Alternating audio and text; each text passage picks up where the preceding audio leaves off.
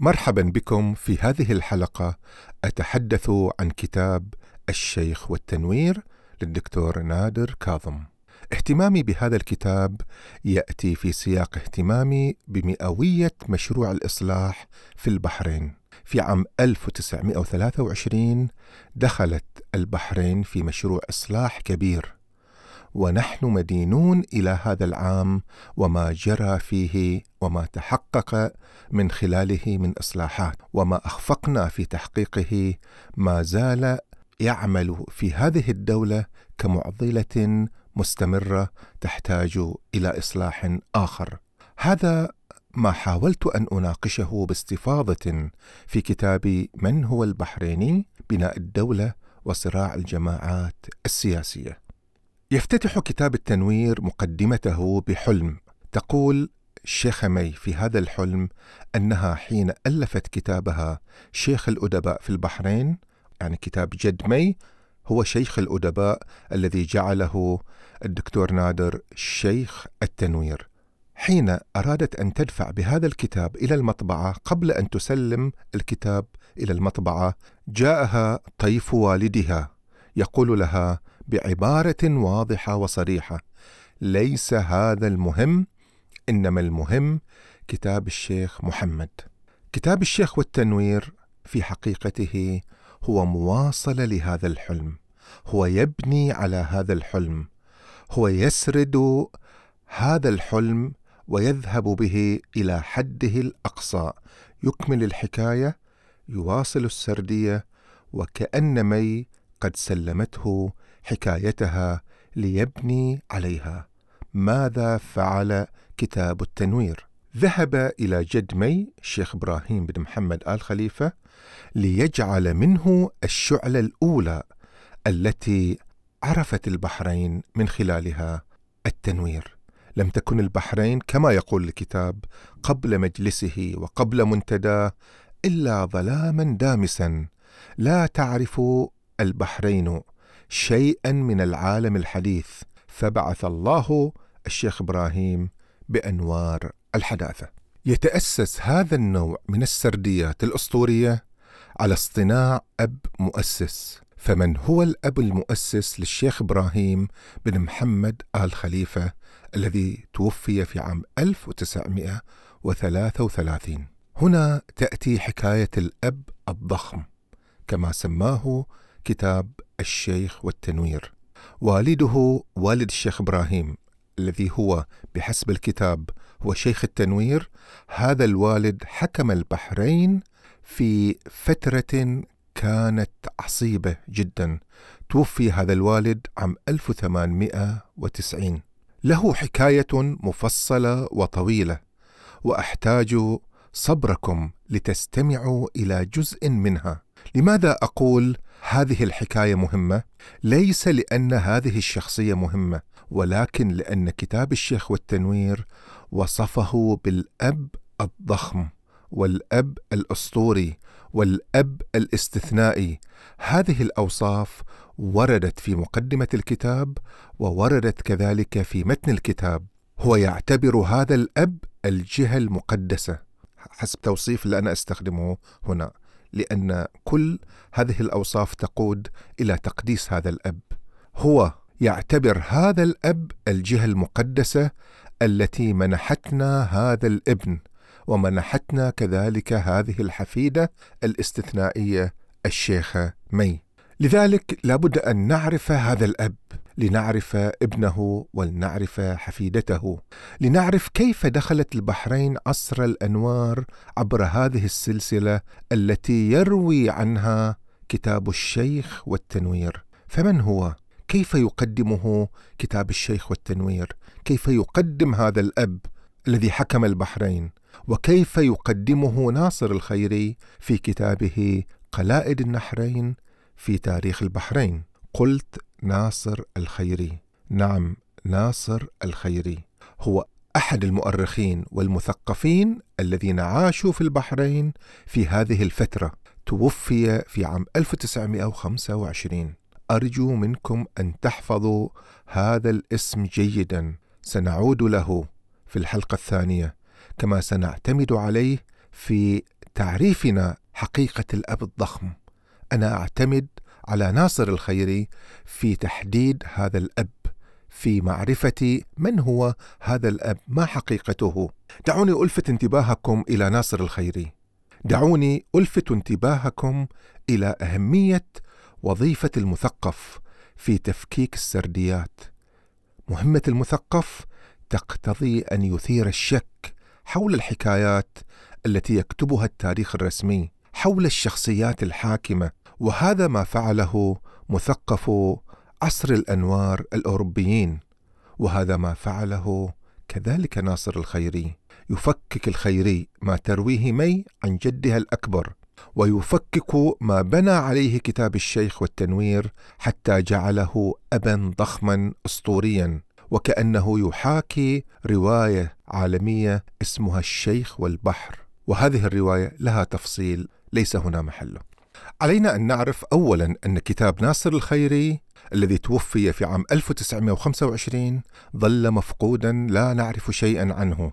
وسأخبركم لاحقا بتفسيري لسر اختفائه. في عام 2003 ظهر لنا هذا الكتاب مطبوعا بخط مؤلفه عبر الباحث السعودي عبد الرحمن بن عبد الله الشقير. عثر هذا الباحث على الكتاب في الكويت وقام بنشره عبر جريدة ومطبعة الأيام. لم يلتفت أحد لخطورة ما فيه في ذلك الوقت. لم يكن التاريخ ميدان صراع في ذلك الوقت.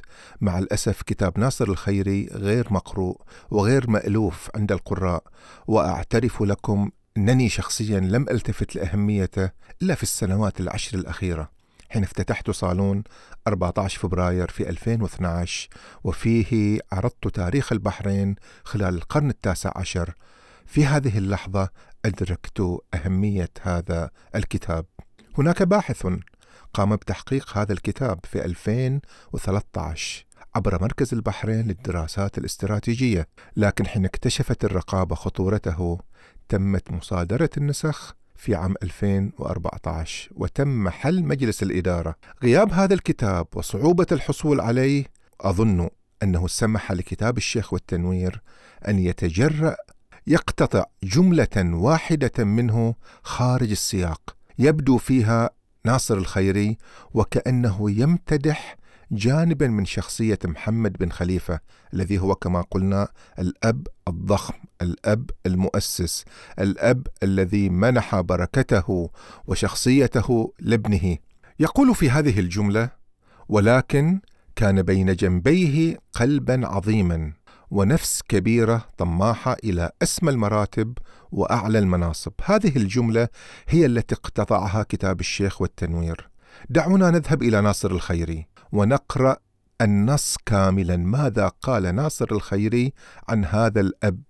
ولا نقتطع شيء. دعونا نرى الصورة كاملة. وليس الصورة كما تحلم بها مي وكما يسردها كتاب الشيخ والتنوير. تحت عنوان فرعي في الكتاب كتاب ناصر الخيري ترجمة حياة الشيخ محمد بن خليفة. تحت هذا العنوان يقول بعد أن يقدم لنا معلومات أولية عن ولادته يقول وأنا أقتبس هنا. حكم عليه الوسط الذي نشأ فيه أن ينشأ أميا جاهلا لا يعرف من شؤون هذا العالم غير ركوب الجياد والتقلب على ظهور الإبل. واقتناء العبيد والجواري بكثرة عظيمة وتثقيف الطيور وإعدادها للصيد والقنص جريا على سنن البدو في كل زمان ومكان. انتهى هذا الاقتباس في صفحة 326 لاحظ كيف أن هذا النص بدأ يفكك أبوة التنوير. يعني نص ناصر الخيري بدأ يفكك هذه الأبوة التي حبكها كتاب الشيخ والتنوير وحبكتها أيضا مي في كتابها الأسطورة والتاريخ الموازي محمد بن خليفة. هي أصدرت كتاب في حدود ألف صفحة تتحدث عن هذا الأب كأب أسطورة. إنه يعطينا حقيقة هذا الأب المؤسس. ناصر الخيري قبل 94 عاما يحدثنا عن أمية هذا الأب الأسطوري. في حين أن كتاب الشيخ والتنوير في عام 2021 يقدم لنا صورة مغايرة تماما للصورة التي رسمها الخيري. يقدم محمد بن خليفة في صورة الفارس الأسطوري فارس القرون الوسطى الذي احتز رأس خصمه وعلقه فوق رمح. إنه كتاب أي كتاب الشيخ والتنوير يسرد هذه القصة باحتفاء وفخر. يقول وهنا أقتبس أقتبس من كتاب الشيخ والتنوير. يقول نازل ذات منازلة تذكر بمعارك الفرسان في العصور الوسطى. شيخ قبيلة عربي معروف بجسارته فصرعه برمحه واحتز رأسه ورفعه على الرمح. انتهى الاقتباس. يؤكد كتاب الشيخ والتنوير أننا مدينون لهذا الأب لأنه أودع روحه في أبنائه وفي أحفاده. بينما كتاب قلائد النحرين يرينا الحقيقة كاملة نرى هذه الرؤية النقدية للتربية البدوية والدولة القبلية وسنن وأعراف وتقاليد هذه البيئة. يحدثنا الخيري عن ذلك بروح نقدية تشعر أن روح ناصر الخيري محروقة يتحدث بحرقة. يعرف أن تاريخ هذه الجزيرة جزيرة البحرين قد عرف الاستقرار الحضري والمدني ويليق بهذه الجزيرة حكم أكثر تحضر من هذا الحكم. لذلك هو يلح في نقد نظام البيئة البدوية ونظام التربية فيها وينتقد ما تنتجه من أنظمة حكم فهو مهتم كمثقف بنظام الحكم مهتم أن تكون هناك دولة مدنية ودولة عصرية وهذا ما سنوضحه أكثر في الحلقة القادمة. ولكن الآن آه، لنعد إلى الجملة المقتطعة من السياق. ولكن محمد بن خليفة كان بين جنبيه قلب عظيم ونفس كبيرة طماحة إلى أسمى المراتب. لنسأل الآن انتهى الاقتباس. هذه الجملة التي أخذها كتاب الشيخ والتنوير. فقط أخذ هذه الجملة. ما المراتب التي تطمح لها نفسه؟ هو يطمح إلى أي مراتب؟ شيخ محمد يطمح إلى أي مراتب؟ يجيبنا الخيري وهنا أقتبس نصا. فلما ترعرع وبلغ سن العشرين حدثته نفسه بأنه أحق بحكم البحرين. من عم أبيه الشيخ عبد الله بن أحمد وأولى منه بالقبض على صولجان حكومتها. لم يقف عند هذا الحد حد الأماني بل أخذ فعلا يعمل على إبراز تلك الفكرة إلى حيز الإجراء ويسعى سعيا حثيثا لاغتصاب الملك من المذكور. انتهى النص. الخيري في حديثه عن حكم القبائل يتحدث بروح نقديه عن غياب الأمن. وكيف أنهم يتحينون الفرص بينهم لاغتصاب الحكم والانقضاض على بعضهم. لذلك هو يقدم سيرة محمد بن خليفة نموذجا لهذه التربية والروح التي تتحين الفرص للاغتصاب. يعني هو طمع في الحكم ليغتصبه من أبناء عمه آل عبد الله بن خليفة. طبعا حكم آل عبد الله سحق في التاريخ بسبب هذا الاغتصاب. ويكمل أيضا يكمل الآن أقتبس. يقول لم يقف محمد بن خليفة عند هذا الحد حد الأماني بل كان يعمل على إبراز تلك الفكرة إلى حيز الإجراء ويسعى سعيا حثيثا لاغتصاب الملك من المذكور. انتهى الاقتباس. لاحظوا كلمة اغتصاب تتكرر كثيرا في نص الخيري وهو يكررها بمرارة. لأن ناصر الخيري يقول لنا بأن حكم الفوضى وحكم الاغتصاب وحكم البداوة وحكم القبيلة أدى إلى خراب البحرين. وفي كتابه وثق لنا هذا الخراب. حين نذهب إلى كتاب الشيخ والتنوير نجد الجانب الأسطوري، نجد هذا الأب الاستثنائي، نجد هذه الأبوة الفائضة، لكننا لا نجد التاريخ، لا نجد تأثير البداوة في حكم البحرين. البحرين لم تعرف قبل آل خليفة حكما بدويا، المجتمع المحلي مستقر في أرضه، كان يعتمد الزراعة والبحر وصيد اللؤلؤ والأسماك. لم يكن هذا المجتمع المحلي متنقلا أو مترحلا ولكن البداوة لما جاءت إليه جاءت بكل ما فيها من نهب وسرقة وفوضى. نعود الآن إلى كتاب قلائد النحرين. نواصل سيرة هذا الأب.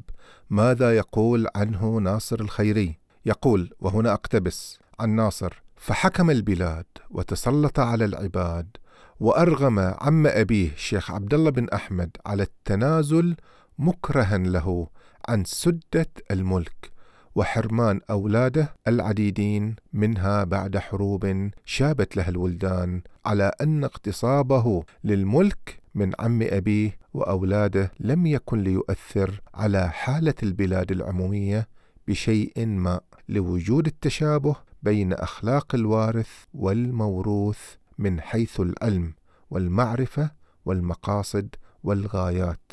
فلم يظهر في البلاد في أيامه أي أثر من آثار الحضارة وألوان العمران كما لم يظهر شيء من ذلك في أيام أسلافه العديدين. لاحظوا هنا النقد لهذه الأبوة. أبوة غير أسطورية غير ممجدة هذا المثقف لا يسرد لنا أبوة الشيخ محمد بن خليفة وكأنها نازلة من سلالة عريقة أو نازلة من السماء. يقول لنا هذا ما تورثه شجرة البداوة في الحكم لوجود التشابه بين أخلاق الوارث والموروث. هذه جملة في غاية الأهمية وجود التشابه بين أخلاق الوارث والموروث. في الحقيقة أن التنوير في أوروبا كان هدفه نقد أنظمة الحكم. الحاكم الذي يقول أنه يحكم باسم الإله أو هو الوحيد المتفرد بالسلطة أو أن الناس لا دخل لها في السلطة التنوير جاء ليفكك هذه الحقيقة التي أرادوا أن يقولوا بأنها حقيقة. جاء ليفكك هذه السلطة يفكك مبناها الشرعي يفكك مبناها الثقافي يفكك مبناها السياسي. هذا ما فعله شيوخ التنوير في أوروبا لكن لا نجد شيئا من ذلك فعله شيخ التنوير في البحرين. على العكس من ذلك شيخ التنوير في البحرين هو كأسلافه استمر يدافع عن نظام هذا الحكم حكم القبيلة والبداوة وهذا ما سنعرفه في الحلقة القادمة حين أتحدث بالتفصيل عن موقف شيخ التنوير عن موقف شيخ التنوير الشيخ إبراهيم من حدث 1923 الآن السؤال ماذا ورث الوالد الحاكم محمد بن خليفة بعد وفاته في عام 1890 ماذا ورث؟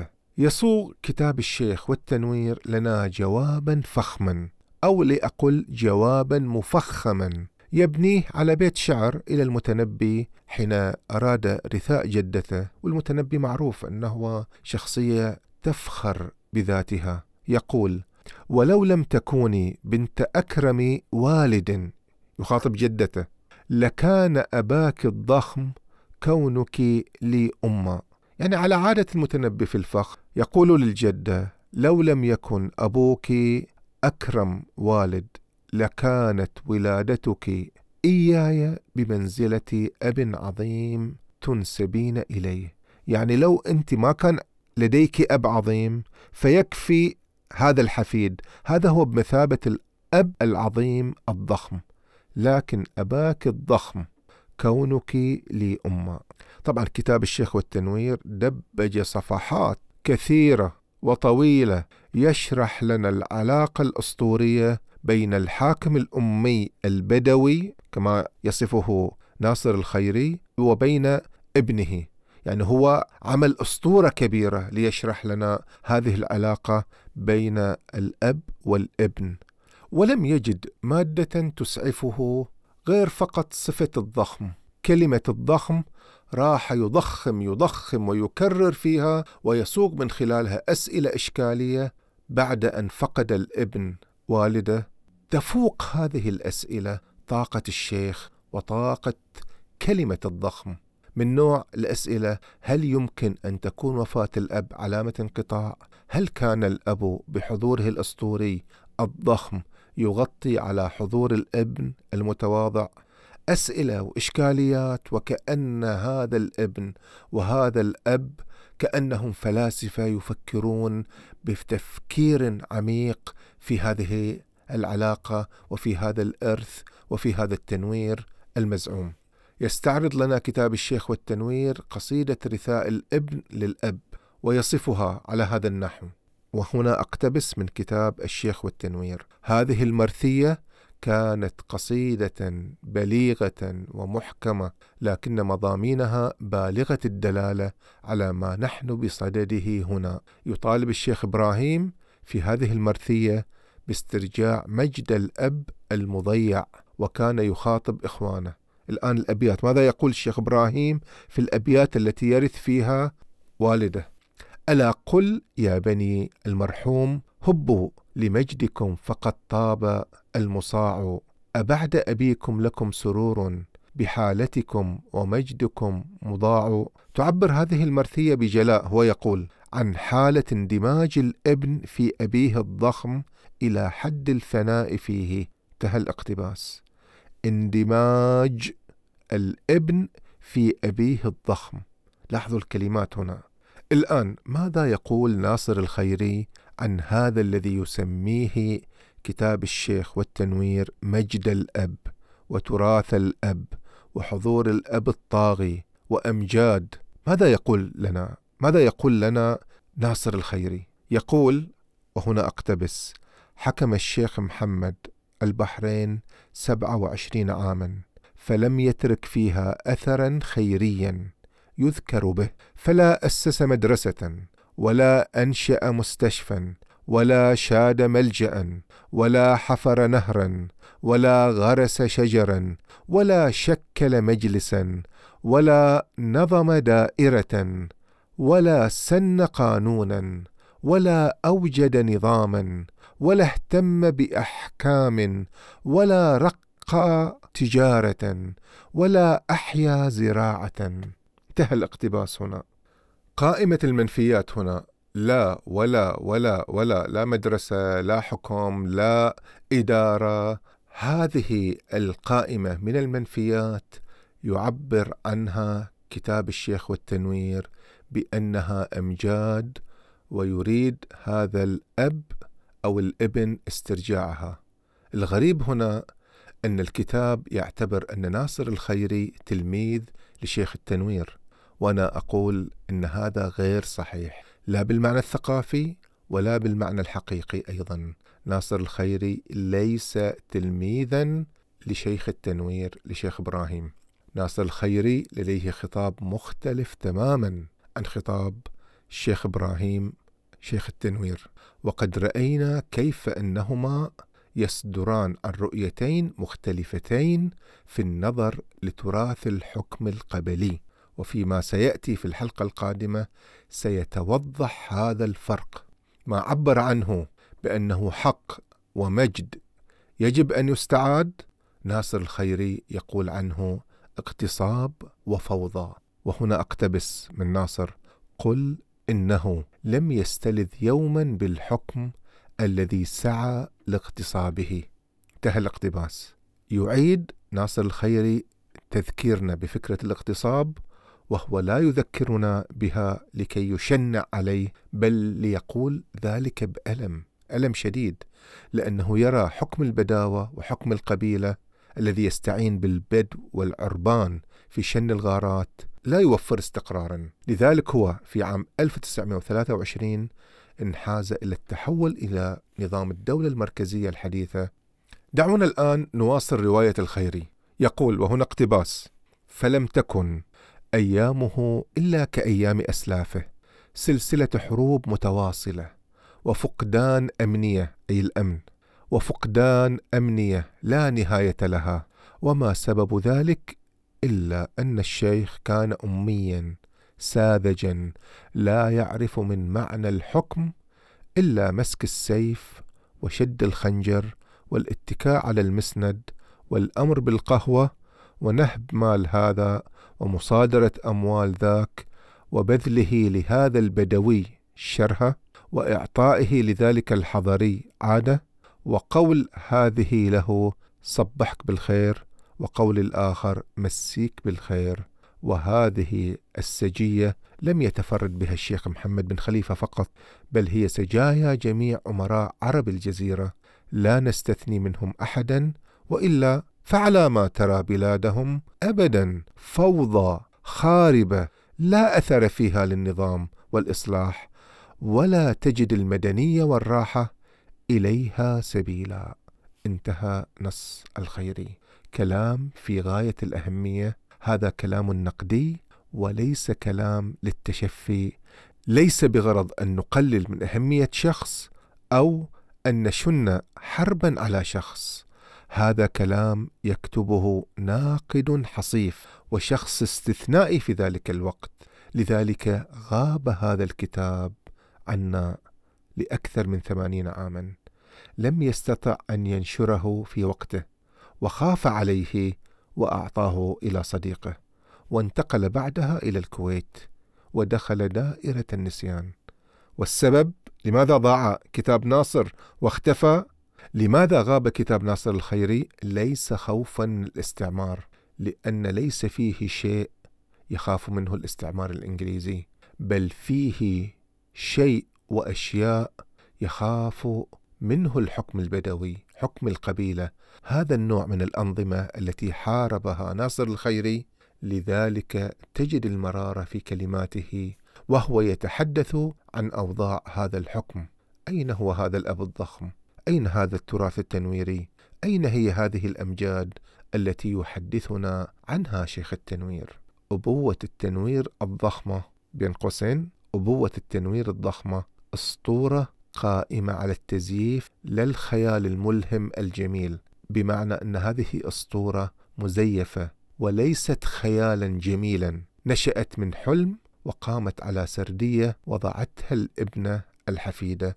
وجاء المثقف ليبني عليها في حين أن عمل المثقف الحقيقي لا يبنى على حلم ولا يبنى على أسطورة ولا يبنى على أمجاد من يحكمون إنما عمل المثقف عكس ذلك تماما. لكن كتاب الشيخ والتنوير لم يقم بذلك إنما قام بمواصلة سرد الحكاية وسرد الحلم وأعطى حدودا تفوق التاريخ. قل هو السرد الضخم فهو ضخم في السردية التي صنعها المثقف له فقط وليس ضخما في التاريخ. في الحلقة القادمة سأتحدث عن جانب آخر عن ناصر الخيري كمثقف. ماذا فعل ناصر الخيري كمثقف؟ وما موقفه من حدث 1923 وكيف قدمه كتاب الشيخ والتنوير؟ وما موقف شيخ التنوير؟ شيخ إبراهيم بن محمد آل خليفة من حدث 23 وتحديث الدولة. شكرا لكم.